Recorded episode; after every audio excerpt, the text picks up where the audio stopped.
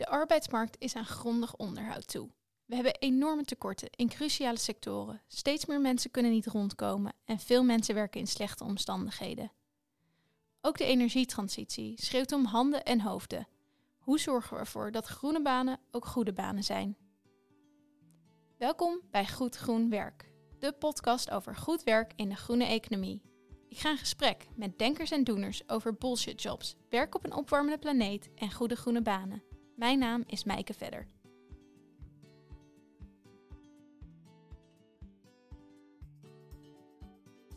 Um, ja, heel erg welkom. Deze vierde aflevering gaat het over onderwijs. Ik heb daar hele bijzondere gasten voor vandaag die me daar alles over kunnen gaan vertellen. Dat zijn Robert Koch, schooldirecteur van de Tech Campus van het ROC Midden-Nederland en Laura Roebroek.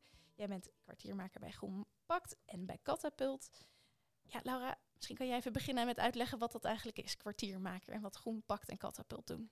Ja, ik zit hier eigenlijk met twee verschillende petten. Maar ik werk aan de arbeidsmarkt van de toekomst. En dat met name vanuit het Human Capital. Als we kijken naar, um, naar de toekomst, naar de wenselijke toekomst. Wat hebben onze vakmensen en professionals dan nodig? Zowel nieuw personeel dat nu nog op school gaat als zittend personeel. Ja. En dat vraagt zowel qua inhoud als qua manier van scholen en leren en innoveren. Soms hele andere constructies. En uh, ja, daar geef ik vorm aan bij uh, Catapult vanuit dat concept van onderwijs en bedrijfsleven die samenwerken. En bij Groenpact heel erg vanuit het groene domein, dus agri-food, tuinbouw, uitgangsmaterialen, natuurbeheer, hoveniers. Ja, dus je werkt niet direct in het onderwijs, maar wel heel veel met het onderwijs? Ja, en ik zeg toch altijd maar, ik heb geen verstand van onderwijs. Dat hebben uh, mensen zoals, uh, zoals Robert die hier naast me zit. Maar ik heb wel heel veel verstand van verschillende werelden. En hoe je die bij elkaar kunt brengen. En hoe je in die ingewikkelde contexten ook nog tot concrete resultaten kunt komen. Ja. En dat is wat ik doe. Fijn, duidelijk. Robert, jij werkt wel direct in het onderwijs. Doe je dat al lang? Ja, dat doe ik al uh, redelijk lang. Ja? Ik, ik denk vanaf 86. Ja. Ja. dat, nou, dan kan je er inderdaad wel, uh, wel wat over vertellen, denk ik. Um, ik begin deze serie steeds met uh, een persoonlijke vraag, omdat het over werk gaat. En die vraag is, wat was jullie eerste baantje? Kan je dat nog herinneren? Ja, mijn aller, allereerste baantje uh, was appels plukken. Appels plukken? Ja. Waar? gewoon in de boom, boomgaard, in de plek, of ja. in, de, in, de, in de woonplaats. In de zomer als bijbaantje? Ja, bij een baantje. Oké. Of bedoel je echt mijn eerste betaalde baan? Nee, nou, ik neem aan dat je ook betaald werd voor dat ja. appels plukken. Ja. ja, ja, maar het was echt allemaal zwart, hè? Ja, ja dan niet heel officieel. ja. En Laura, jij? Uh, ik heb, wij hadden een uh, huis waar heel veel schilderwerk aan zat. En als je aan het eind klaar was, moest je weer vooraan beginnen. Dus ik heb uh, in opdracht van mijn vader heel oh, veel geschilderd. Direct voor de eigen familie werd ja. jij gewoon ingezet. Ja, precies. En dat zijn allebei hele andere dingen dan wat jullie nu doen. Zeker. Ja, en tegelijkertijd was het ook iets waar ik heel veel plezier in had. Ik kon heel erg vormgeven aan, uh, aan ik kon mijn eigen werk indelen, uh, ja. ondernemend. Dus in die zin uh, is er dan ook weer niet zo heel veel veranderd. Oh ja, grappig. Ja, daar gaan we het zo vast nog over hebben. Um, ik heb in de eerdere aflevering, dit is al de vierde aflevering in de serie, um, het heel veel gehad over de rol van vakbonden, werkgevers en de overheid. Um, over de tekorten op de arbeidsmarkt voor de energietransitie en andere transities waar we voor staan. Uh, maar we hebben het eigenlijk nog heel weinig over het onderwijs gehad. Het, het, woord viel heel vaak, maar niet wat er nou precies moest gebeuren. En nou ja, ook met mensen die daarin werken. Dus dat wil ik vandaag gaan doen. Um, eigenlijk wou ik beginnen met een bredere vraag. Want hoe zien jullie de verantwoordelijkheid van, van scholen en het onderwijs uh, ja, om te reageren op maatschappelijke ontwikkelingen? Is, is daar eigenlijk een verantwoordelijkheid? Robert, misschien kan jij beginnen? Ja, ik vind, daar, ik, vind daar zeker een verantwoordelijkheid uh, liggen. Ik vind uh, als school, ik werk bij beroepsopleidingen, het MBO, dat je heel goed moet kijken van wat, wat zijn uh, um, ontwikkelingen om je heen die je voortdurend terug kunt vertalen naar het onderwijs. Dus we, we, werken in het onderwijs met vastgestelde programma's. Die worden één keer per zoveel jaar vastgesteld. Maar wat ik daarbij doe, is ook altijd kijken wat is de wens van bedrijven, wat zijn belangrijke ontwikkelingen die ik echt mee moet nemen. Dus als we het hebben hier over circulariteit, energietransitie, Um, ik zou niet in de spiegel kunnen kijken als ik nu niets zou doen aan energietransitie. En dat vind ik van belang dat onderwijs hangt wel, zeg maar, het beroepsonderwijs onder uh, OCW. Maar ik let heel goed op wat de economische agenda is, wat de belangrijke ontwikkelingen zijn, wat de bedrijven zeggen. Ja. Uh, waar kan ik versnellen? Dus zo'n onderwerp bijvoorbeeld als energietransitie. Uh, er zijn echt bedrijven die daar mee komen met die vraag. Ja. En wij vinden zelf dat we heel veel aan energietransitie moeten doen. Want als we kijken klimaatopdracht, links en rechtsom, er moet wat gebeuren. Intrinsiek ook motiveert je ja, dat. Ja, ja. En is dat dan zo dat je binnen opleidingen daar dus aanpassingen aan doet? Van deze uitdagingen zien we nu in de maatschappij, daar passen we onze opleiding op aan. Of dus ook echt van wat wij aanbieden, ja, nieuwe opleidingen. Uh. ja, nou kijk, dat is wel spannend. Kijk, nieuwe opleidingen kunnen ontstaan. Maar wat ik als eerste doe, is altijd kijken wat zijn de actuele thema's. En we werken met levensechte praktijkopdrachten. Dus dan proberen we die binnen te halen waarin studenten en docenten aan werken. En dan zie je op een gegeven moment dat het meer en meer wordt.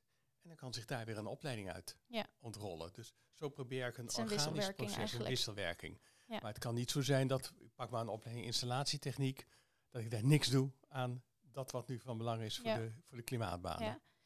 Laura, hoe zie jij dat reageert uh, onderwijs, de omscholing, bijscholing, reageert dat meer maatschappelijke ontwikkeling? Of is er ook echt een verantwoordelijkheid zelf om, om initiatieven in te nemen? Ik zie dat bij bijna alle scholen dat dat daadwerkelijk zo is, want uh, die scholen leiden op voor de toekomst. Ja. Dus dat zit er intrinsiek in. Ja. En uh, daar zit een onderdeel in van, ja, bedrijven vragen erom.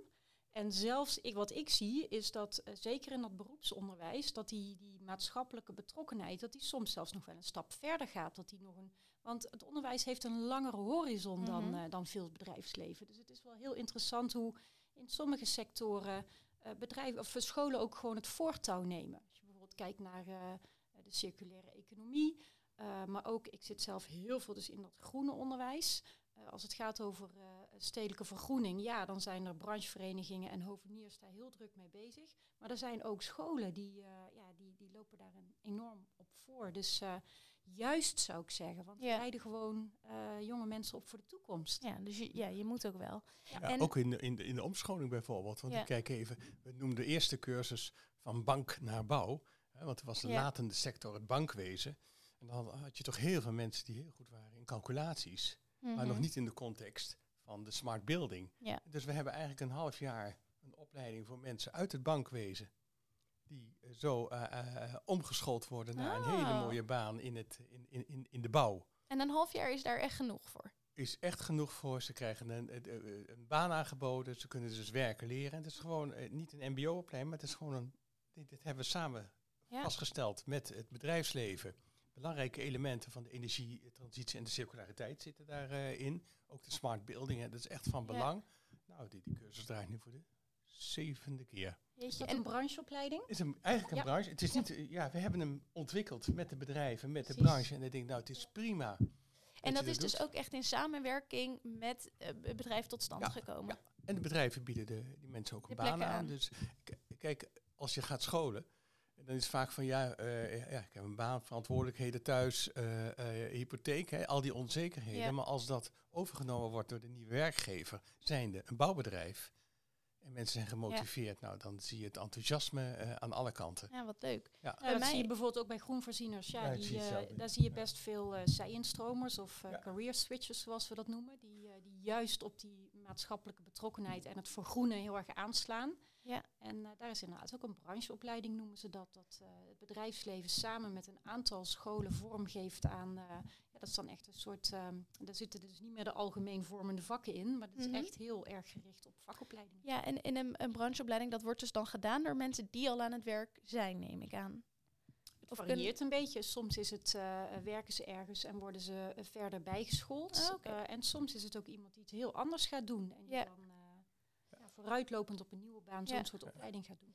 Dit klinkt voor mij heel erg alsof het ook ehm, voldoet aan, aan wensen van eh, eh, studenten, scholieren eh, zelf. Of mensen die een overstap naar iets anders willen maken. Maar toen ik hier van tevoren even over na zat te denken, dacht ik ook van... ja, het onderwijs kan heel erg inspelen op wat er nodig is. Maar betekent dat ook niet dat er dan dus misschien opleidingen verdwijnen... die misschien minder nodig zijn, maar die mensen wel heel graag willen doen? Zeg maar die vrijheid om dus te kiezen van hoe je je wil ontwikkelen. Is, is daar, zien jullie die spanning ook? Eh, ik, ik, ja, ik vind het geen spanning eigenlijk. Ik vind dat het heel belangrijk is dat iemand een opleiding kiest waardoor hij zij heel gemotiveerd is. Die Hm. wil ik graag doen. En uiteindelijk is het de belangrijkste eh, opdracht. Kun je jezelf duurzaam bewegen op de arbeidsmarkt? Die zal altijd veranderen. En ik zou het heel jammer vinden waarom je bijvoorbeeld in het mbo een aantal dingen niet mag doen omdat er nu geen werk voor is. Eh, eh, en de klimaat- of de energietransitie vraagt heel veel banen. Dan zou ik zeggen om iedereen in dat keurslijf te dwingen. Ik weet niet of je daarmee een hele succesvolle, succesvol mens wordt op de arbeidsmarkt. Nee. Dat vind ik echt wel belangrijk. maakbaarheid in Ja. die er eigenlijk niet is. Ehm, en eh, als je bijvoorbeeld kijkt, er zijn heel veel jonge mensen die kiezen bijvoorbeeld voor een opleiding dierverzorging. Daar zijn helemaal niet zoveel banen in. Dus die macro-doelmatigheidsdiscussie die wordt vaak gevoerd. Terwijl Ja, dat woord hoorde zijn- ik al ergens anders. Ja. Macro, doel, doelmatig. ik kende Ja. het niet. Wat, wat betekent dat? Ja, goede vraag. Wat betekent het eigenlijk? Maar waar ik eigenlijk liever naartoe wil, is dat het erom gaat dat deze jonge mensen zich kunnen ontwikkelen tot volwaardige mensen die inderdaad kunnen bewegen op de arbeidsmarkt. En dat ze dan niet precies gaan doen wat er in die opleiding zit. Is helemaal niet zo relevant. Want je kunt ze toch niet dwingen om iets te gaan doen wat ze niet willen, want dan gaan ze uitvallen. Ja. Kijk, en dat is die, die duurzaam bewegen op de arbeidsmarkt. eh, eh, zal ik een heel concreet voorbeeld noemen? Want ik ben eh 17 jaar geleden gestart bij het ROC. Een van de belangrijkste beslissingen van dag 2 was: wil jij de popacademie starten? Jeetje. Ja of nee? Ehm, Vast niet macro-doelmatig. zeker niet, nou ja, zeker niet macrodoelmatig. als Want je in de macro-doelmatig termen is dus dat je iemand opleidt voor een, een, een specifieke vacature die er op dat Eh, moment ja. is. ja. maar ook dat je niet eh, een, een concurrerend aanbod in de regio hebt. hè, Ah, dat ja. alle ROC's hetzelfde doen. En dat je wel zoekt naar, eh, oké, dit is een goed dekkend aanbod. Maar zo'n popacademie stond wel heel erg onder druk. In die zin van, wil je dat starten? Nou, één, mag je alleen HBO hebben. De conservatorium is alleen HBO. Ah. Waarom niet de MBO? Ja. Ten tweede, als je naar het programma kijkt, en dat, dat vind ik echt van belang. Kijk nu eens, wat staat er in het programma? En dat was zelfstandig ondernemer in de popbusiness. Dus die mensen kregen een enorm economisch programma. Hm. Gewoon business and administration. Hoe run ik mijn bedrijf, hoe doe ik marketing? En het was een driejarige opleiding. En één jaar was zeg maar de kunstvorming, de artistieke vorming. Dus die, die mensen waren zo gemotiveerd, die studenten, voor deze opleiding. En eh, als je keek naar het profiel, waren ze al ongelooflijk veel uitgevallen bij andere opleidingen. Hm. Nou, uiteindelijk, wat zie je vijf jaar later, 85% is in staat zelfstandig de onderneming te draaien. Dan wel, ze hebben het zo geregeld dat ze nog een klein beetje in de, in, in de popbusiness Ja, zitten. je, je leert daar heel veel andere werk. Je vaardigheden leert er die zoveel, dus veel breder ik ben het eh, helemaal eens zijn. met nou, En die maakbaarheid. Laten we daar heel voorzichtig mee zijn. Oké. En dat zie je dus ook bij die, eh, bij die jonge mensen die zo'n opleiding dierverzorging kiezen. Die komen allemaal goed terecht. Die komen bijvoorbeeld vaak in de zorg terecht, omdat ze dat soort vaardigheden wel geleerd hebben. Oké, maar dus dus het is heel erg belangrijk om ene aan te sluiten bij drijfveren van jonge mensen om zich te Ja. ontwikkelen. aan de ene kant moet je dus wel opleidingen hebben die passen bij de uitdagingen die er liggen. Maar er kunnen ook opleidingen zijn die misschien niet op het eerste zicht zo direct Nee. eh, naar een bepaald beroep opleiden. Omdat dat dus überhaupt een beetje een mythe is dat je een opleiding doet waar je dan direct... Sommige, En- sommige mensen wel, hè? Ja. Eh, maar ook Ja. een grote groep eh, mensen niet. En laten we niet vergeten hoe vroeg je in Nederland al een keuze moet maken voor een Ja, want beroepsopleiding. doen jullie eigenlijk werk wat direct bij, bij jullie opleiding te maken heeft? Ik ben medisch bioloog. Oh ja? Ja, dus ik doe, ik, nou ja, je zou zeggen je doet iets heel anders, maar tegelijkertijd heb ik heel erg geleerd, dus het is wel een goed voorbeeld. Ik heb heel erg geleerd om in systemen te denken. Ja, ja. Eh, dus het menselijk lichaam. dus een het- vaardigheid die nu... Ja, het is een manier van denken die ik nu heel erg toepas op een omgeving. Wij zitten in zo- zo'n complexe omgeving. Als je alleen al kijkt naar alle klimaatuitdagingen, daar Ja. zijn geen makkelijke oplossingen voor. Er zijn ook geen makkelijke oplossingen in een menselijk lichaam. Dus Nee. dat nadenken in termen van alles hangt met alles samen, Ja. dat heb ik heel erg geleerd in mijn opleiding. Uh, maar ik ben, uh, ja, ik ben geen medisch, medisch Nee, bioloog. Dat is een heel meer. goed voorbeeld Ja. eigenlijk. Ik ben van, ook geen eh, techneut. nee? Ik ben psychiatrisch verpleegkundige. Oh joh, nou kijk, ik zit hier met twee hele En, goede nee, en helemaal omgeschoold, maar dat, dat is van belang ook. Ik heb duurzaam kunnen bewegen over, Ja. o- o- Ja. op de arbeidsmarkt. En ik denk dat dat van belang is. En als je het hebt over eh, goede keuzes maken, wat van belang is in dat hele traject, hoe vroeg ook die keuzes vallen. Want in Nederland is echt bekend om de vroege keuze.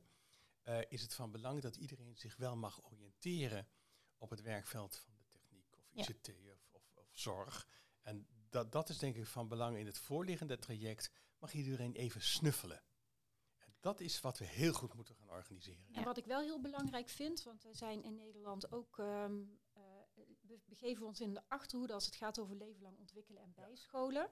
Hmm. En, maar dat hebben we In wel vergelijking nodig. met andere met Europese andere Europese landen? landen. Ja, ja, Oké. ja. En dat hebben we wel nodig. Want op het moment dat je dan dus iets anders wil of kan, of er is een appel, bijvoorbeeld omdat er banen komen in klimaattransities, eh, dan is het best wel moeilijk. Mensen doen het niet snel, het is moeilijk. Dus die mobiliteit is eigenlijk te ingewikkeld. Ja, want dat is eigenlijk het volgende waar ik het met jullie over wil hebben. Wat, wat zijn dan de problemen die voor die eh, eh, tekorten of mismatch, mismatch eigenlijk zorgen tussen eh, nou ja, wat er nodig is op de, op de arbeidsmarkt en wat er aangeboden wordt? Dat klinkt al heel economisch, maar ehm, ehm, zie jij dat dat dan een, een, een reden ook is? Dat er dus een gebrek is in Nederland aan ja, een mindset van het leven lang leren?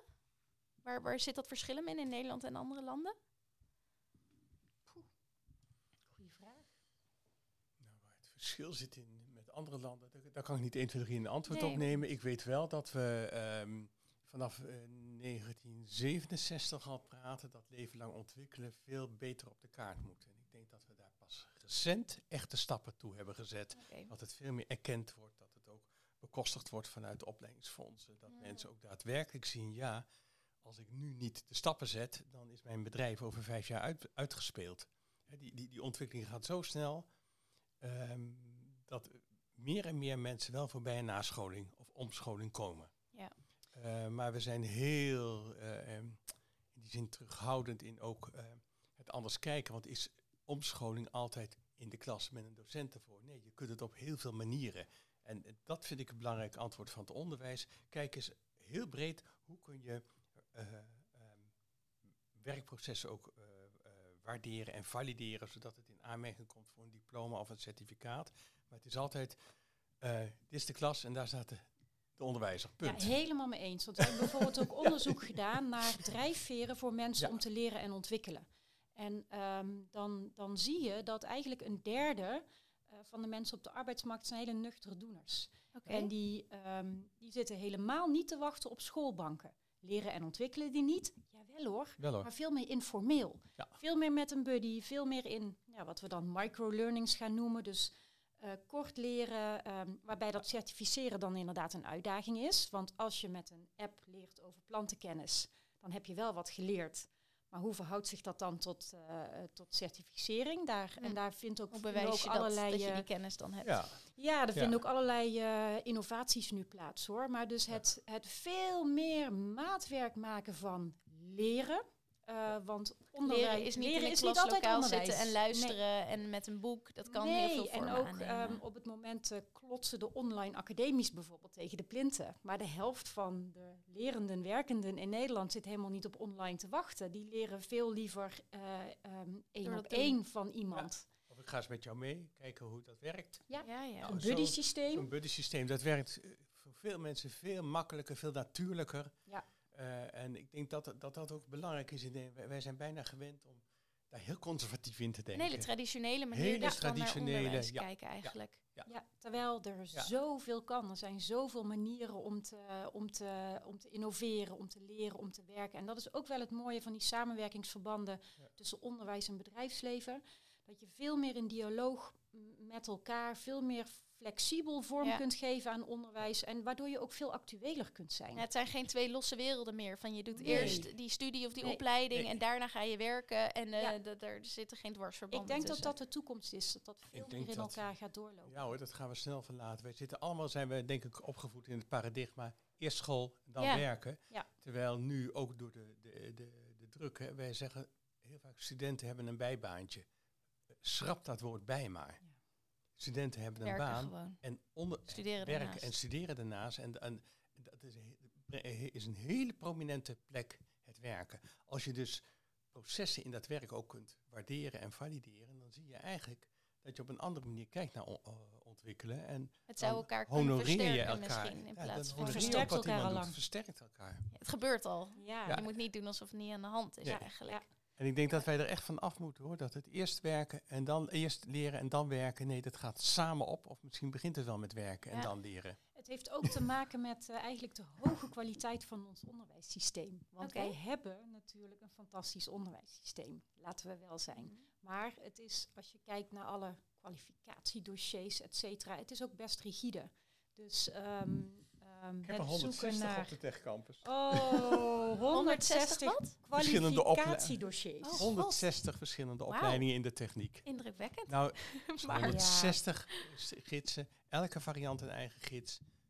je, je zegt het is enorm Dus het is een enorm systeem. gedetailleerd. Ja, En ja. ehm, dat heeft ons ook heel veel gebracht. Hè? En tegelijkertijd is het ook de uitdaging, hoe kun je daarbinnen nou je eigen weg vinden? En hoe kun je dus vormgeven aan, eh, aan heel actueel onderwijs, aan flexibel onderwijs, Ja. aan onderwijs in hele andere brokjes dan eh, een, een, een voltijdopleiding. En dat gebeurt ook wel hoor. Dat gebeurt op veel plekken. En ik geloof ook heilig dat dat de toekomst is. Ja, we, we gaan het zo hebben over al, op al die plekken waar dat al gebeurt en hoe dat eruit ziet. Ik, ik wou toch nog eerst meer een beetje op de problemen ingaan. Ja? Want we, zitten dus niet met... eh, Ja, we zijn niet van de problemen. Eh, er zijn al 86.000 vacatures in de techniek. Ja. En eh, nou, er zijn steeds meer mensen nodig. En jullie zeiden al, er is een, een hele traditionele blik misschien op onderwijs. We moeten daar veel flexibeler over nadenken. Ik zat ook te denken, heeft het techniekonderwijs ook niet een, een reputatieprobleem? Is dat ook onderdeel ja, van de oorzaak? We ho- laat ik zo zeggen, we horen eh, eh, het stereotype beeld van een reputatieprobleem hoor je vaak op de open dagen of kennismaken als of op de kennismakingsdagen. Als studenten meer en meer kennis maken met de inhoud, dan valt het snel weg. Want dan zijn het toch echt de beelden van de vorige eeuw die dominant zijn. Van dat het zwaar is om op onmenselijke tijden. Terwijl je ziet hoe de techniek is veranderd, ziet het er echt anders uit. Mm. Dus je moet er vooral voor zorgen dat mensen gewoon die eerste kennismaking Ja. hebben, zodat ze kunnen Ja. zien dat het Ja. anders is. Ja. Nee, maar net zoals van de week even zorg is natuurlijk ook zo'n zo'n branche waar, waar van alles. Hè. Dan hoor je van de week een heel mooie conferentie en dan zie je de samenvatting. En dat is zorg is zwaar. Ik denk, ja, het kan ook inspirerend, leuk en anders zijn. Wa- want waarom duiden wij steeds de negatieve woorden aan deze sectoren? Ik denk, als je het anders neerzet, en ik zie het bijvoorbeeld hier in Utrecht bij de ontdekhal, waar we met kinderen in zo'n spelende omgeving, eh, of een omgeving die heel erg leidt tot spelen met techniek. Ze zijn, ge- ze zijn er gewoon bezig, je hebt geen ordeproblemen, ze hebben een lol, ze leren veel, ze Ja. gaan enthousiast naar huis. Ik denk, als we die verhalen nu eens meegeven. Ja. Ik denk, Dat Nederland werkt inderdaad. We werkt werken tien nu ook keer veel beter. met eh, de werelden van techniek Ja, of de werelden groene techniek. werelden. Ja, dat ja. gaat heel erg over verhalen vertellen. Mhm. Ehm, want het zijn ook niet zozeer de banen die jonge mensen, maar ook eh, eh, career switchers zo aanspreken. Het gaat over de verhalen en de bijdragen die je kunt leveren. Dus de werelden van techniek en de groene werelden. Dat je veel meer verhalen moet gaan vertellen over de bijdrage die je kunt leven- eh, leveren met een technische baan. Maar ik hecht er ook wel aan om aan te geven dat als we kijken naar de klimaattransities, gaat het niet alleen om eh, technische banen voor de energietransitie. Het gaat ook over de circulaire economie, over grondstoffengebruik en het gaat ook over de nature-based transities, dus de natuurinclusiviteit. En we hebben dat allemaal nodig. Dus eh, ik zou het een enorme versmalling vinden als we het alleen maar hebben over het Ja. tekort aan technici voor de energietransitie. De opgave is eigenlijk ook nog wel groter. Veel groter. Ja, ja. Ja. goed punt. Ja. En in die context, de mensen zijn op. Ja. Dus ehm, eh, ja, eh, we moeten zorgen dat we voldoende mensen naar, eh, naar, naar klimaatopgaves ehm, eh, proberen te krijgen. En tegelijkertijd moeten we ook enorm inzetten op eh, digitalisering en technologie om die arbeidsproductiviteit te verhogen. Om Want gewoon het werk met worden- minder mensen te Ja, kunnen doen. ja, en op ja, een inclusieve arbeidsmarkt. Ja, precies. Die, die wil ik ook nog even meegeven. Ja. Komen we denk ik zo Ja. nog even op. Ehm, jij zei net al even van juist dat potentieel, die verhalen van de maatschappelijke waarde ook van het werk dat je kan gaan doen. Is, is dat dan iets wat iets aan die reputatie, dat imago ook echt kan veranderen, denk Ja, je? en dat gebeurt ook al. ja, dat en is het dus werkt. gewoon. Ja, Ja. nou, heel Dus, fijn. Dus dat eh, moet vooral veel meer veel meer. eigenlijk Ja. gebeuren. Ja, ja. En wie, wie zijn dat dan nu die die verhalen zo actief eh, vertellen? Hoe gebeurt dat? Nou, dat gebeurt op heel veel verschillende plekken. Als je kijkt naar de werelden van techniek, is dat iets waar mijn collega's mee bezig zijn Ja. geweest. Dus we hebben echt onderzoek, drijfverenonderzoek gedaan naar, eh, naar jonge mensen. Wat, wat, drijf- wat drijft hen potentieel? Eh, en dat is de ene kant van de medaille. En de andere kant is, eh, ja, wat voor soorten toepassingsgebieden passen daar dan bij? Hm. En dat hebben we in het groen ook gedaan rondom eh, groene werelden. Dus wat zijn daar drijfveren en hoe kun je daar met verhalen bij aansluiten? En niet alleen verhalen, dus ik geloof niet zo in campagnes, maar ook het vormgeven van je onderwijs. Dus dat je in je onderwijs veel meer die buitenwereld naar binnen haalt, dat je veel meer met praktijkopdrachten gaat werken, dat je meer gastlessen, meer Zodat je die excursies- waarde al, eh, al tijdens je Ja. opleiding dus veel meer ook bewust Ja. van bent. En dat mes snijdt aan twee kansen, kanten. Hè. Dus eh, d- die jongeren die leren veel beter eh, het werkveld kennen waar ze uiteindelijk eh, aan de slag gaan. Dus ze krijgen een veel eerlijker beeld. Mhm. Eh, want misschien haken ze ook wel af, maar dan weten ze in ieder geval waar ze niet voor kiezen. Dat is belangrijk. Ehm, ja. dus, eh, het, dus het werkt zowel in termen van imago, maar het geeft ook een, een, een, een enorme nieuwe dynamiek aan leren en aan onderwijs. En vind ik heel spannend om een bijdrage aan te kunnen. Ja, leuk. Ja, Robert, dat zie je ook namelijk met, eh, bijvoorbeeld we hebben een project lopen, Smart Technician. En dat is levensechte opdrachten. Hè, dus de bedrijven die, die komen met echte uitdagingen. En zij moeten pitchen voor de studenten en de studenten kiezen. Oh, Omdraaien. En dan zie je dat eh, dus de studenten gaan naar het bedrijf toe samen met de docent. Ook erg belangrijk om altijd die actualiteit eh, te, te, te vangen. En je ziet dat de bedrijven nu in de rij staan om studenten te hebben. Omdat de studenten ook heel cre- creatief kunnen kijken naar een oplossing. Die worden nog niet gehinderd door alle, Alle, ja. kaders en alles. Dat was altijd al zo. Dus zij komen met eh, dit- dat case-based learning. Dat is echt, dat is super spannend. Ja. Dat is echt zo Heel leuk. leuk. Ja. Ik ben echt bijna jaloers dat ik dit niet meer... Ja. eh, Het kan studies- nog. Ja. Leven Kan lang ontwikkelen. Ik Wees welkom. ja. Nee, nee, super. En ehm, ik vroeg me af, zien jullie hier verandering in? Vroeg ik me af ook tussen eh, mensen die nu overstappen van werk of aan een opleiding beginnen, dat die meer behoefte ook hebben aan eh, werk met die maatschappelijke waarde? Of is dat iets van alle tijden? Ik vind dat best een lastige vraag. Want ehm, we zeggen vaak, jongeren zijn veel meer bezig met eh, de Ja, Dat gevoel heb ik, maar geen idee. En dat is tot op zekere hoogte ook zo. Nee, maar het is niet zo dat alle jongeren alleen maar bezig zijn. Er zijn ook nog kan je steeds niet over één jongeren kam scheren. Nee, die met he- die hele andere drijfveren hebben. Ehm, we zien bijvoorbeeld ehm, in dat groen, dus je hebt de wereldverbeteraars als jongerensegment qua drijfveren. Mhm. Maar we hebben ook een, eh, een technology-minded, die worden heel erg gedreven door technologie. Die kunnen nog steeds wel aan de slag in die klimaattransities, Ja. maar die worden niet gedreven door dat maatschappelijk. erachter, eh, ja. En eh, eh, we komen ook heel erg eh, hands-on eh, jongens en meiden tegen, die, die gewoon heel praktisch eh, toegevoegde waarde willen hebben. Ja. En ook niet zo in dat ideaal zitten. Nee. 70% van onze opleiding is echt een vakrichting. Ja. En die hebben niet die idealen, maar hebben veel meer vanuit het, het, het familiebedrijf of die, Ja. die hebben ja, bij Dat ondernemerschap. het Ja. ondernemerschap. En eh, dat je in die opleidingen ook het hebt over de belangrijke opdracht, over circulariteit, over energiegebruik. dat is wat we wel doen. Dan heb je, of, de opleiding Ja. parketeur, pakket leggen. Nou, dat gaat ook heel veel over circulariteit, het gebruik van de goede materialen, de- al die chemicaliën van tien jaar eruit. Dus we proberen altijd wel zo eh, eh, ehm, ehm, naadloos aan te sluiten bij de nieuwe wet en regelgeving, wet en regelgeving op bijvoorbeeld de milieueisen. Mhm. Ja. En dat is van belang om te doen, maar die worden gedreven door het hebben van een eigen onderneming. En ik denk dat het bijdragen aan die klimaatvraagstukken, dat dat eerder nog sfeer, eh, speelt bij die career switchers. Ja. Ja, Dus, die dus eh, echt heel bewust de keuze maken om later iets anders te gaan doen. Ja, precies. En dan, eh, dat zie je dan bijvoorbeeld weer heel erg bij die hoveniers. Of eh Ja, ja. er nu ook uit, we hebben net onderzoek gedaan naar werken in de land- en tuinbouw. Dat, ze, eh, ja, dat, dat, die, dat blijkt dus te concurreren met zorg. Juist die maatschappelijke bijdrage, nou, dat had ik Oh, persoonlijk ja. niet verwacht. Er zit hetzelfde soort ideaal achter misschien Ja, of drijfveer. Ja, dus ehm, dat heeft dan misschien eerder nog te maken met dat je wat verder komt in je leven. En Ja. dat je andere dingen belangrijker gaat eh, vinden. eh, dan dat dat per se alle jongeren zijn die daar zo Ja. naar kijken. duidelijk. Ehm, ja, er is ook al heel veel, eh, ja, niet alleen potentieel bij de, die nieuwe techniekopleiding, maar is ook in de om- en bijscholing van mensen die al werken. Laura, jij werkt aan heel veel van die publiek-private samenwerkingen eh, ja, tussen bedrijven, onderwijs, overheden.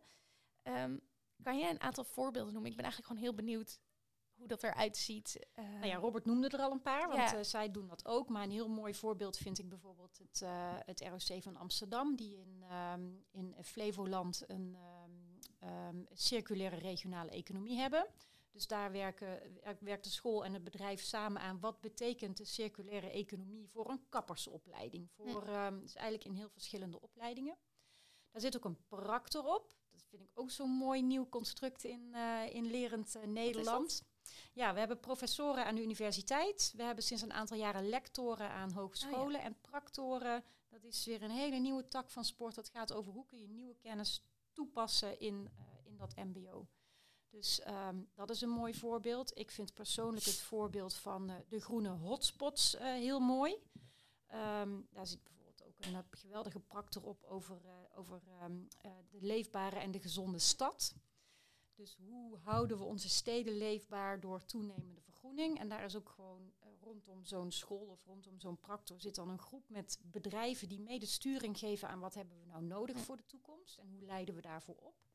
Ehm, ja, zo hebben we de duurzaamheidsfabriek in, ehm, in, uh, in Dordrecht. Dat is dan weer ja. een hele campus. Dus het heeft ook heel veel verschillende vormen. Hè? Ja. Soms is het een plek, soms is het een eh, persoon die aanjaagt, soms eh, is het een soort opleidingshuis waar vooral, vooral nieuwe opleidingen gemaakt worden. Maar de essentie is dus dat eh, zo'n onderwijsinstelling samen met het bedrijfsleven gaat kijken naar hoe ziet de toekomst eruit en hoe geven wij samen vorm aan eh, relevant en toekomstbestendig leren. Dus niet alleen opleiden voor eh, het eerste diploma, maar ook leven lang Ja. blijven ontwikkelen. Ja.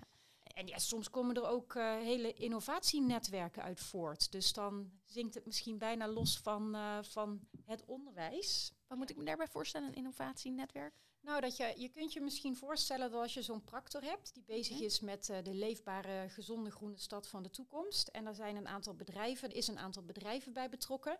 Daar gaat allerlei dynamiek komen. Daar zitten eh, knappe koppen met kennis. Ehm, en nou ja, een van de dingen die ik doe is dan kijken, oké, hoe kunnen we dat verder aanjagen? Hoe kan ik, ik heb laatst een keer een hackathon ontwikkeld voor een, eh, een groep groen ondernemers. Die zeiden, ja, we zijn best wel veel met onderwijs bezig geweest. Maar kunnen we misschien wat meer innovaties delen? Nou, dan hebben we een hackathon over eh, watervoorziening in de stad eh, geregeld ten behoeve van groen. Ja. Nou ja, we komen nu weer terug bij het onderwijs, maar dat, dat zong even lekker helemaal los. En dan uiteindelijk komen daar dingen uit die je weer prima kunt vertalen. Ja, dus eh, dat er is komt heel veel beweging op gang. dat dat, eh, nee, dat is juist goed nee. dat het Ja, helemaal een andere kant op gaat ook je dat misschien dat alle bedacht. mogelijke vormen heeft die, eh, die er nodig zijn. Ja. Ehm, ik heb ook het gevoel, maar volgens mij maakten jullie dat al vrij duidelijk, doordat er dus die krapte is, dat, dat werkgevers, maar ook het onderwijs dus wordt gedwongen om eh, ja, veel flexibeler na te denken over wat er nodig is. Zien jullie daarom ook die krapte misschien toch als, als iets goeds? Dat dat, ja, Nou kijk, eh, eh, het is überhaupt eh, van belang om in het onderwijs eh, in zichzelf ook innovatief te kijken. ja, zou geen En- krapte voor nodig moeten En, en zijn. daar, daar zou namelijk geen krapte voor nodig zijn, want je, je wilt altijd zorgen dat je zowel aan, de, aan die eerste diploma dan wel in het leven lang ontwikkelen, ja. naadloos kunt aansluiten bij de vraag. Ik zie wel dat de krapte de druk vergroot door veel flexibeler te worden. En dat is denk ik een grote opdracht aan het onderwijs van kijk naar andere trajecten, kijk naar maatwerk, kijk heel goed naar de motivatie van de student, want daar begint eigenlijk het leren mee. En ik vind dat een enorme eh, eh, beweging die momenteel gaande is, dat er heel anders gekeken wordt. En de dialoog bedrijfsleven-school, school-bedrijfsleven is echt, vind ik, over de afgelopen vijf tot tien jaar absoluut verbeterd. Ja. Ja. Jij, jij bent daar dus heel actief mee bezig. Zijn Ja. er bepaalde lessen waarvan je zegt, nou, mijn ervaring eh, hier op de techniekcampus, dit zou ik mee willen geven aan andere scholen of dit, ja, dit moeten we gaan doen met z'n allen? Eh, onderneem. Dat noem ik toch de onderwijskundige ondernemer. Want je kunt bijvoorbeeld als school, dat is misschien een beetje uitweiden, je kunt heel erg onder de wet en regelgeving van van de school en de kwalificatiedossiers, zo heten ze. Als je daaraan blijft hangen, dan ben je eigenlijk gewoon een schooltje met een hek erom en, dat is het. Als je zegt je bent als school een ondernemer in het mbo, dan ga je met de bedrijven kijken naar wat van belang is, hoe het eruit ziet, welke keuzes er gemaakt worden. Je betrekt de, de gemeentes erbij, de provincie. En dan zie je dat je je school op een hele andere manier kunt positioneren in de regio. En dat vind ik de allerbelangrijkste ervaring die ik in de laatste tien jaar bij de TechCampus heb gedaan. Het positioneren in de regio. En dat is ook, dan hebben wij behoorlijk wat eh, PPS, publiek-private Mhm. samenleving, eh, samenwerkingen op energietransitie, op duurzame mobiliteit, op smart technician, op entreeopleidingen. En dat maakt het zoveel ehm, meer, eh, het maakt het zoveel waardevoller dat je midden in de maatschappij staat en daardoor ook bedrijven weten je te vinden. Wij weten de bedrijven te vinden. Je gaat schouder aan schouder en je staat niet meer te praten over kloven. Nee. En dat is tussen- mooi hoor, hoe zij dat Ja. aan de gang hebben gekregen, want dat valt echt niet mee. Dat is best wel moeilijk. Wij, Ja, eh, want het klinkt heel anders dan inderdaad die traditionele kijk op het onderwijs. Dat is Ja, nogal dus- een verandering. Ja. Dus het begint ook als een innovatie in zo'n school en in zo'n, eh, in zo'n nou, ecosysteem, dan komt toch de medisch bioloog. Ja, eh, die komt ja, toch. dan komt Kijk, hij toch. Ja. toch macrodoelmatig Ja, ja, ja, ja. opgeleid. Ja. Ehm, maar we, we zien nu bijvoorbeeld bij, uh, bij Catapult, er zijn in Nederland, Nederland 400 van dat soort samenwerkingsverbanden. Ja, het zijn er we- ontzettend veel. Het dus. zijn er heel veel, dus er gebeurt al heel veel. Ja. Maar dat gezegd hebbende, het is nog niet zo dat elke leerling op deze manier les krijgt. Dus nu Dat we dat klopt. echt moeten gaan opschalen, dat betekent dus dat al je docenten, dat al je leerlingen, ehm, dat al je schoolleiders, die zou je willen meekrijgen in deze beweging. En dan kom je in een cultuurverandering. Dus we moeten zorgen dat we nu voorbij de pioniers komen, voorbij die eerste coalition of the willing, Mhm. eh, die het allemaal eh, wel zien en leuk vinden. eh, nou, de robots van deze wereld. Maar hoe gaan we nu zorgen dat ehm, elke student deze manier van, van leren kunnen aanbieden? Ja, want waar komt dan die weerstand vandaan? Die er, die, je zegt er, er is een cultuurverandering nodig, dus voor niet iedereen vanzelfsprekend. Dat, dan denk ik Eh, dus, er zijn ook mensen Je die moet denken, wat nou, controle loslaten. Je Hm. moet echt zeggen, oké, dit is het systeem wat we hebben.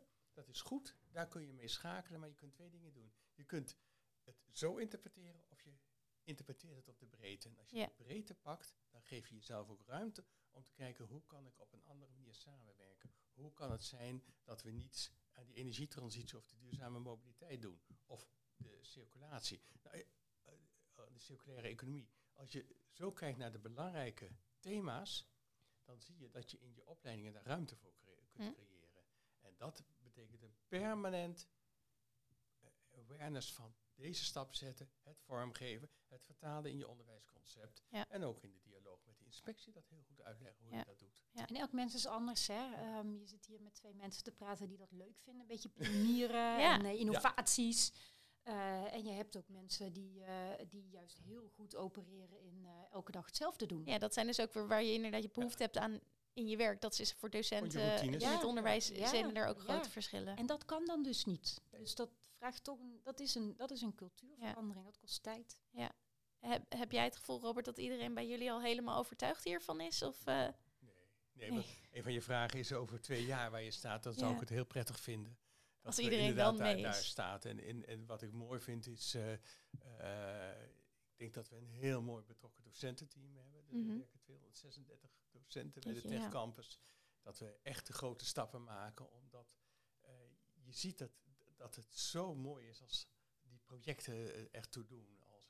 Levenlange ontwikkeling is, wat heel natuurlijk verloopt. En dat, dat, dat zie je, de trots bij de mensen. En bij die trots, die passie, dan zie je ook weer de inspiratie en, de, en het eigenaarschap. Ja. En dat is, vind ik, eh, waar ik als leidinggevende voor verantwoordelijk ben. ja, dus dat probeer je los te Ja. maken, zodat Ja. mensen ook het echt blij- er blijven in geloven. Ja. Leuk. En ehm, eh, ik heb een aantal eigenlijk dilemma's of waarvan ik dacht van dit is volgens mij wat, wat ja, soms nog dwars ligt of, of moeilijk gaat die ik jullie wil voorleggen. Ehm een van die dingen is dat, dat om- en bijscholing best wel vaak nog slecht betaald. Dus dat, het, dat je dan een stage moet lopen, maar daar krijg je heel slecht voor betaald. Eh, ja, dat lijkt me dus echt een barrière om een overstap te gaan maken naar, naar een nieuwe sector. Als je daar eerst dus ja, weer die ervaring op moet gaan doen. Is dat iets waar jullie ook actief mee bezig zijn om daar verandering Ja, in te brengen? verandering.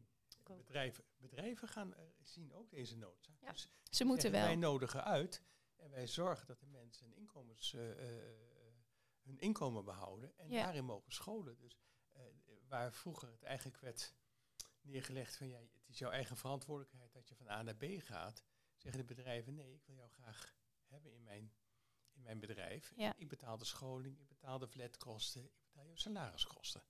Hm. Ik En die urgentie is inmiddels zo hoog. Ik ben het Ja. helemaal mee eens. Je ziet is al dat duidelijker. Ja. bijvoorbeeld ook bij die groenvoorzieners en hoveniers. ehm, Ja. dat wordt gewoon dat wordt doorbetaald. En ehm, Maar dit, dit- ik kan me ook voorstellen dat als er nog een angst is die bij mensen misschien leeft van ik ga me niet omscholen, want eh, dat gaat me heel veel steeds. kosten. Ja. Ook Ja. al is dat dus in de tussentijd wel anders. Kunnen jullie die ah, het zal ook wel niet overal zijn. Dus wij komen hier natuurlijk met een aantal goede voorbeelden. Maar Ja. dat zal ook best. ehm, weet je, ik, eh, ik praat ook eh, in, in Groenpact is eh, een van de partners ook zijn FNV en CNV. Mhm.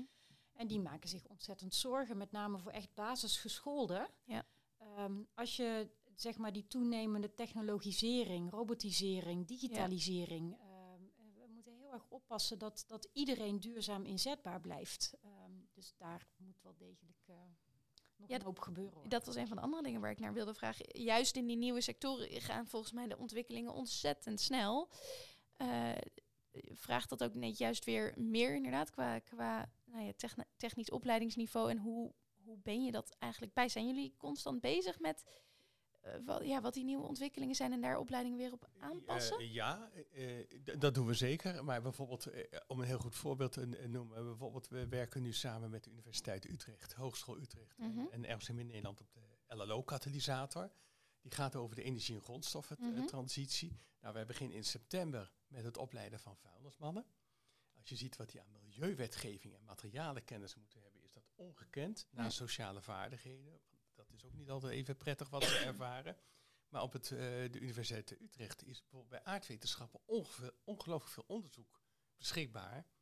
eh, eh, dat we kunnen gebruiken. Hè. Valoriseren van kennis. Nou, dat is zo mooi als je dat met elkaar kunt oppakken. Dus dat je ook die schotten tussen het MBO, HBO en WO. Want wat, wat voor kennis hebben zij die, die dan concreet gebruikt kunnen worden bij Nou, bijvoorbeeld onderzoek naar de circulaire economie, hoe je dat het beste kunt doen. Dus de hergebruik van materialen, wat voor processen daar nodig zijn. Dan hoeven de studenten bij ons bij entree bijvoorbeeld niet te weten hoe dat gebeurt, maar ze moeten wel weten wat ze ermee Ja. doen. Ja. En entree is Kijk. echt de basisscholing. Hè? Dat is de basisscholing. En dat is zo mooi dat je, dat je als het ware een soort treintje organiseert Mhm. van opleidingen die zoveel met elkaar te doen hebben. En als je binnen het segment, binnen het kader blijft met opleiden, zodat het begrijpbare stof is, dan kun je zo ontzettend veel met elkaar doen. Ja. Ja. En dat vind ik, z- dat, dat, dat moet Nederland echt doen, willen ze de volgende stappen zetten. Ja. De kennis is hier veel te veel opgesloten. Naast, en dat is de andere kant, bij heel veel bedrijven is ook heel veel kennisontwikkeling. Dat, er is zoveel te delen. En als we dat veel beter op de kaart zetten, dan maken we grote stappen. Dus binnen het onderwijs moet er veel meer uitgerust worden Ja. tussen het onderwijs en het bedrijfsleven. Ja. Oké. We moeten allemaal veel meer met elkaar praten. Duidelijk. Nou ja, nee, nee, nee. Ja, ja, we moeten ook praten, maar we moeten ook doen. Het vooral we, gewoon we samen vergaderen ons helemaal suf in over er Nederland. Eh, dus ik vraag mezelf, ik, ik zit dus niet in het onderwijs, dus ik zit in principe in een, eh, in een vergadercircuit, maar ik vraag me elke dag af, zit ik hier omdat ik impact aan het maken ben of zit ik hier omdat we elkaar bezighouden? Dus ja, we moeten met elkaar praten, maar we moeten vooral ook samen doen. Maar dat eerste gebeurt dus nog te vaak. Want dat is heel, nou, het is vooral, er zijn geen gemakkelijke oplossingen. Dus je moet ook gewoon beginnen en doen. En denken, we starten, ik weet nog niet waar het eindigt of wat we precies opleveren. Maar eh, ga aan de slag, innoveer, Ja. stuur bij, et cetera. Mooi. Goede oproep. Ehm, als het gaat over eh, omscholingsprojecten en, en, eh, techniekopleidingen. ehm, nou, we hadden het nu heel erg over tekorten. Hoe zorg je dat mensen dan in die baan komen? Ehm, maar we zien ook in die nieuwe sectoren dat ook de kwaliteit van het werk en de arbeidsvoorwaarden ook nog niet altijd eh, eh, geweldig zijn. Zo in de zonnepanelensector eh, eh, nou, is vaak in het nieuws geweest de afgelopen tijd dat daar veel ongelukken gebeuren. Is, is dat ook iets waar aandacht wordt besteed vanuit het onderwijs of vanuit jouw werk met om- en, en bijscholing? Of zien jullie dat als taak voor anderen? Veiligheid is zo belangrijk.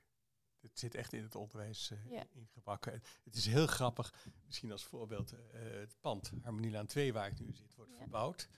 Eh, en, en zodra daar bijvoorbeeld onveilige dingen zijn, nou studenten die volgen alles en die, en die spreken ook de, de, de mensen erop aan. Dus echt het veilig werken, want met de zonnepanelen is, is er natuurlijk heel veel eh, eh, ongelukken gebeurd, hè, met het niet goed eh, aangelijnd zijn Mhm. en dergelijke. Eh, veiligheid is een heel belangrijk issue dat meegenomen wordt in. Maar eh, jullie, jullie kunnen mensen daar eh, eh, in opleiden, maar gebeurt dat dan ook in samenspraak met bedrijven dat dat vervolgens ook daar dus nou ja, wordt gehandhaafd? Eh, eh, überhaupt studenten mogen bijna het bedrijf niet in als ze niet de veiligheidscertificaten hebben behaald. En ik vind dat volledig terecht. Ja. Ja, Ja. Dat Dus is dat is zo'n belangrijke de voorwaarde. Zorg. Ja. Ja. Is ook werk dat studenten tot hun 18 jaar niet mogen doen, Doen. omdat ze nu eenmaal, dus wat je bijvoorbeeld ziet in, eh, in Zaandam, daar heb je de Ja. Food and Process Tech Campus. Daar is een soort externe campus, een externe bedrijfsomgeving gemaakt, omdat deze jongens en meiden, die mogen helemaal niet de fabriek in. Want ze, Hmm. hebben, ze mogen hun certificaten nog niet halen. Oké, je moet er echt een, een bepaalde leeftijd voor Ja. hebben om dat te gaan Ja. doen. Ja, Dus Oh, ook chauffeur ook, heel veel. 18 jaar. precies. Ja, Mag niet eerder. oh ja, natuurlijk. Procestechniek mag helemaal niet eerder dan Ja. 18 jaar. Want veiligheidsdenken is ook... Dat, dat, dat is best complex. Heel goed in veiligheidsstappen denken. Daar, daar moet je echt ook wel de, de, de, de, nodige ja, rationale, na- eh, rationale voor hebben om dat Ja, te doen. Dat is ook niet in één lesje Nee, even nee. afgetikt. Nee. Ehm, en ander dilemma, of iets wat ik veel tegenkom, is diversiteit en inclusie in het techniekonderwijs. Uh, ik, ja, we hadden het al even over die uh, reputatie. En dat is denk ik toch het beeld wat, wat ik vaak ook nog in mijn hoofd heb van ja, techniek is voor mannen, dat is zwaar werk. Nou ja, een heel erg het beeld van dat je in een fabriek misschien gaat werken. Uh, nou, zullen jullie vast zeggen dat het allemaal al heel anders is, maar toch denk ik dat er nog wel meer mensen ik met mij hem zijn. toch eventjes hier, want ja. Uh, dat, ja, dat geldt voor de techniek, maar dat geldt bijvoorbeeld ook in het groen. Dat geldt op, ja. uh, op veel plekken. Ja. Um, en we hebben het dus heel veel over innovatie en technologische innovatie, maar die sociale innovatie is minstens zo belangrijk. Um, en wat je nu wel, ik moet echt zeggen dat ik het afgelopen nou, half jaar tot een jaar, meer dan al die jaren daarvoor, gemerkt heb dat die krapte op de arbeidsmarkt urgent wordt. Dus het heeft me ook verbaasd. We, we hebben gewoon alle talenten nodig. Ja. Um, dus die urgentie om, uh, om bijvoorbeeld meer vrouwen in het groen of in de techniek te krijgen, om um, veel meer aan jobcarving te doen. Dus wat, wat, wat is dat, jobcarving? Ja, dat betekent bijvoorbeeld dat je... Um, we zijn nu gewend, uh, veel bedrijven zijn gewend, we hebben een vacature, daar zetten we dan 15 competenties in en dan staan er mensen in de rij en dan kan ik kiezen. Die daar precies aan gaan voldoen. Precies, dat moet allemaal fulltime werken. Maar ja. wat als er iemand voor je staat die uh, drie van de 15 competenties heeft en die twee dagen kan werken omdat hij of zij ook nog zorgtaken heeft? Ja. Uh, de tijd komt nu heel snel dat je als werkgever of als ondernemer dan je job zodanig moet voegen naar het talent dat voor je staat, omdat dat ook een bijdrage ja. levert aan je arbeidsmarktproductiviteit. Ze hebben de luxe niet om eigenlijk te kiezen, nee. maar moeten zichzelf gaan aanpassen aan Precies. de mensen die er Precies. zijn. Precies. En je ziet nu heel voorzichtig dat, dus, uh, nou, dat je al vier dagen mag werken. Oeh. Dat is, dat is al heel vernieuwend. Dat je dus dat niet is eigenlijk, maar ja, vier ja, dagen ja. kan Voor mij, ik, uh, ja, voor mij is dat al niet meer part-time vier dagen. Want vergeet ook niet, ja. um, um, uh, jonge mensen vragen bijvoorbeeld ook veel meer om, uh, om, om flexibiliteit en autonomie. En als je kijkt naar de zorgtaken die wij er de komende decennia bij krijgen, de, er zijn uh, inschattingen dat we um, over een aantal jaren een dag in de week aan mantelzorg moeten gaan doen. Kunnen ja. we dus niet arbeidsproductief zijn. Dus dat zijn ook die verschillende uitdagingen in de toekomst waar je je ook toe moet zeker. verhouden. Ja, ja zeker. Ja. Dus die sociale innovatie, dus dat die dat, dat, dat werken en hoe je dat inricht en ja. hoe banen eruit zien. En dat ook als je meer diversiteit op je werkvloer krijgt, dat vraagt ook iets van je bedrijfscultuur. Dat moet wel passen. Binnenhalen is één en vervolgens uh, zinvol samenwerken is twee. Dus daar, daar, ja, dat wordt een enorme opgave de komende jaren. Gebeurt daar ook al veel ja. in?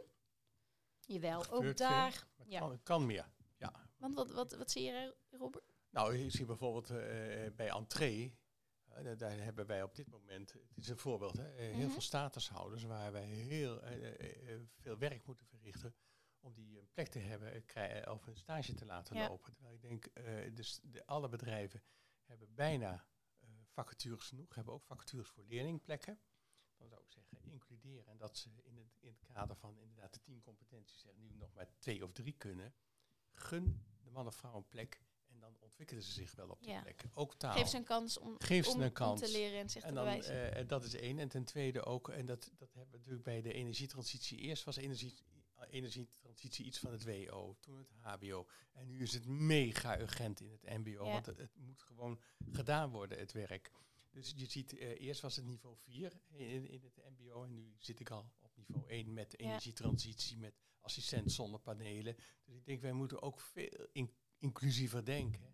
En niet steeds ja maar, niet, ja maar. Hè, wij weten ja. een reden om het niet te doen. En wat doen jullie zelf als ROC? Zijn jullie hier ook actief mee bezig? Zeker, ja. ja, ja. Vertel, wat, wat, wat? Nou, als je het hebt over bijvoorbeeld onze gebouwen. We hebben heel veel gebouwen die natuurlijk uh, in, in uh, schoolgebouwen die energie zuinig moeten mm -hmm. zijn. Nou, de studenten hebben onze schoolgebouwen ook als object. Mm. En die doen uh, allerlei adviezen die wij nu ook als uh, ons facilitair bedrijf, verantwoordelijk voor huisvesting, ja. gaat overnemen. Ja, dus Ik wil nog wel even iets aanvullen op wat jij net zei over uh, dat, dat het, het, niveau van um, werkenden dat je nodig hebt. De energietransitie is eigenlijk de eerste transitie en dus niet vol op stoom. Um, maar de circulaire economie komt er achteraan. Ja. De nature-based uh, uh, transities komen daar ook achteraan. Ja. Dus je kunt nu al op je vingers natellen dat je daar ook die... Zelf, je, hebt eerst, je hebt eerst de ontwerpers nodig die de concepten ontwerpen. Uh, dan heb je de makers nodig en ja. uiteindelijk heb je de uitvoerders nodig. Dus dat gaat, dat gaat nog komen. Gaat er echt komen, ja. En dan Maar hebben we iedereen jullie, nodig. eh, al op voorbereid. Nou, in ieder geval, doen wij- ons wij, best. wij, wij lopen, we- maar we zijn zeker Jullie zien het voorbereid om daar... eh, ja, ja, dat is wel heel wat. Ja. Ja. Ehm, eigenlijk een laatste vraag is, is wat minder van waar jullie zelf mee bezig zijn, maar wat, wat jullie nodig hebben of verwachten van overheden eh, en de politiek. Want volgens mij gaat er dus al ontzettend veel goed, gebeurt er heel veel.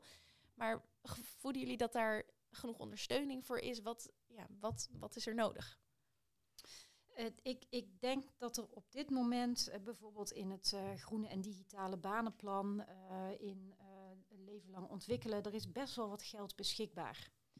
Ehm, wat ik heel belangrijk vind, eh, en ik herhaal mezelf voor, maar wat, wat ik zie is, je hebt de energietransitie, die gaat heel erg over technici ten behoeve van CO2-reductie door van Ja. fossiel naar hernieuwbaar. Ehm, dat is EZK-beleid, dat is EZK-budget. De circulaire economie zit bij INW. En bij LNV zitten de nature-based transities. Hmm. Ik wil Dat een zijn ook weer hele verschillende werelden dus. Juist. En soms concurreert het met elkaar. Terwijl in de regio, bij ondernemers, op die scholen, loopt dat allemaal door elkaar heen.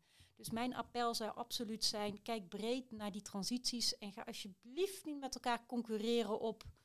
We hebben mensen nodig voor energie en niet voor nature-based. Of dan komen we weer in een macro-doelmatigheidsgesprek eh, terecht waar Ja. we niet naartoe moeten willen. Weer dit maakbaarheidsidee wat Juist. dus, eh, Ja. een mythe is. Ja. Ja. Oké, duidelijk. Nee, het zou heel prettig zijn, want als je kijkt in het onderwijs, hebben we geloof ik met bijna alle ministeries te maken. Ja. Eh, en ik zou zeggen, pak met elkaar vooral die hele grote transities op. En dat we integraal daarnaar kijken, in plaats van alles maar uitrafelen naar zo klein mogelijk. Ja. Bij de integraliteit ga je ook met elkaar schouder aan schouder staan. En anders krijg je de ene concurrentie naar de andere. En overal is menskracht nodig. En dat vind ik wel een goed voorbeeld van eh, de, Ja. de groeifondsprojecten die Ja. nu lopen. Ja, Als het gaat over dat leren en ontwikkelen. Ja. Daar worden heel veel verschillende partijen gedwongen om het met elkaar op te pakken. En, Ja. eh, Want Ja, we- dat we- is wat voor natuurlijk verschillende spannend. partijen worden dan gedwongen om dat met nou ja, elkaar te als je pakken? kijkt naar de LLO-katalysator, ehm, eh, eh, eh, dan wordt, eh, dat kan Robert misschien nog beter vertellen dan ik, maar ehm, dan kun je, dat kun je niet als één school. Dus je zult met meerdere scholen, met, eh, eh, eh, met meerdere bedrijven. Dus ja, je het wordt- is zonde om allemaal op je eigen het is te veel geld om in je eentje aan te vragen. Ja. Dus je Ja. moet wel. Je En moet samenwerken. de uitdaging is eh, dat er niet te veel vergaderd wordt. Maar dat je het gaat Doen. Maar het mooie is, als het in de doestand kan komen, dan ja, ik vind dat wel een mooie ontwikkeling. Ja hoor. Kijk, die, die, die eh, katalysator heeft echt de universiteit, hogeschool en ons bij elkaar gebracht. En nou, de universiteit pakt ook eh, eh, de collega's op, de hogeschool pakt de collega's op en ik pak mijn collega ROC's op. Ja, Want En we dat zie je ook kunnen bij het dat, niet eh, alleen. nee. Ja, bij dat Nee. opschalen PPS. Dus je had al die Ja. prachtige versnipperde eh, voorbeelden. En die worden nu gedwongen om met elkaar. Dus er zijn nu 15 regionale clusters van eh, publiek-private samenwerkingen. Die samen zorgen dat die opschaling Ja. komt. Dus dat Hmm. al die leerlingen les gaan krijgen in, eh, ja. op deze manier. ja, dus dat is eigenlijk een goed voorbeeld van hoe er nu samengewerkt wordt. Ja. Ja. Nou, fijn, positief. Ehm, eigenlijk een, een slotvraag is, ehm, wat gaan jullie zelf doen aan de oplossing? En als ik je over twee jaar spreek, wat, ja, wat mag ik je dan op afrekenen? Jij hintte er al net ergens op. Ja, ik, ik hint er net op dat, dat, ik, eh, dat over twee jaar dat, dat hele techcampus daarin bruist. Ja, Van dit soort programma's, het initiatief, het heel veel samenwerken met bedrijven op deze grote transities. Dus ik denk dat we ongelooflijk goed op weg zijn. We zijn er nog niet helemaal, maar dat zou ook wel een heel mooie dat stap iedereen zijn. daar vol enthousiasme En ik zie absoluut eh, maximaal draagvlak bij de bedrijven. Ah. Dat is echt één wereld Ja. aan het worden en het zijn geen twee aparte werelden. Nee, dat, eh, dat is echt fijn om is ook te heel horen. mooi. Ja. Laura, wat, wat wil Ja, jij je, de mag mij twee erop, jaar bereiken? je mag mij erop afrekenen dat ik eh, buiten de lijntjes blijf kleuren. Dat ik voortdurend net een beetje verder ga dan, eh, Ja. dan het kan. En dat ik eh, voortdurend ook al die kikkers bij elkaar in een kruiwagen weet te krijgen. En dat we Dus die verschillende werelden, dat je Ja. die bij elkaar bij brengt. elkaar brengen. Ah, heel mooi. En dan doen. Het gewoon echt doen. Niet Ja. alleen het zeggen, zoals Ja. in deze podcast, maar het gewoon doen. Ja. Oké. ehm, de volgende aflevering neem ik op met eh Europarlementaris parlementariër Sarah Mathieu. Zij is Vlaams eh, en is Europarlementariër voor Groen. Zij werkt aan een groen banenplan op Europees niveau. Is er iets wat jullie haar nog graag willen meegeven of vragen? Hou, het, hou die transities breed, alsjeblieft. Ja, dus weer hebben het niet alleen over energie of klimaat, maar over alle uitdagingen die Ja. er liggen. Oké. Goeie, En Robert? zorg voor een hele mooie Europese uitwisseling van studenten. Ah, ja. Dus dat je echt ook, het is, zo leerzaam ook Ja. elders te kijken. Ja. Eén, alle voor je, voor je rol als wereldburger. eh, gewoon in andere landen kijken hoe je daar leeft en, en, en woont en werkt en, en, eh, studeert. Maar ook op die transities is ongelooflijk veel van elkaar te leren. Ja. En dat zou ook de, de kennis enorm te goed doen.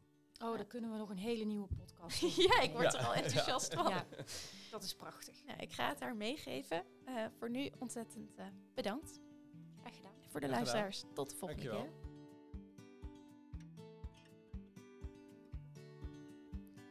Dit was Goed Groen Werk, een podcast van het wetenschappelijk bureau GroenLinks en de Groenen in het Europees Parlement. Tot de volgende keer.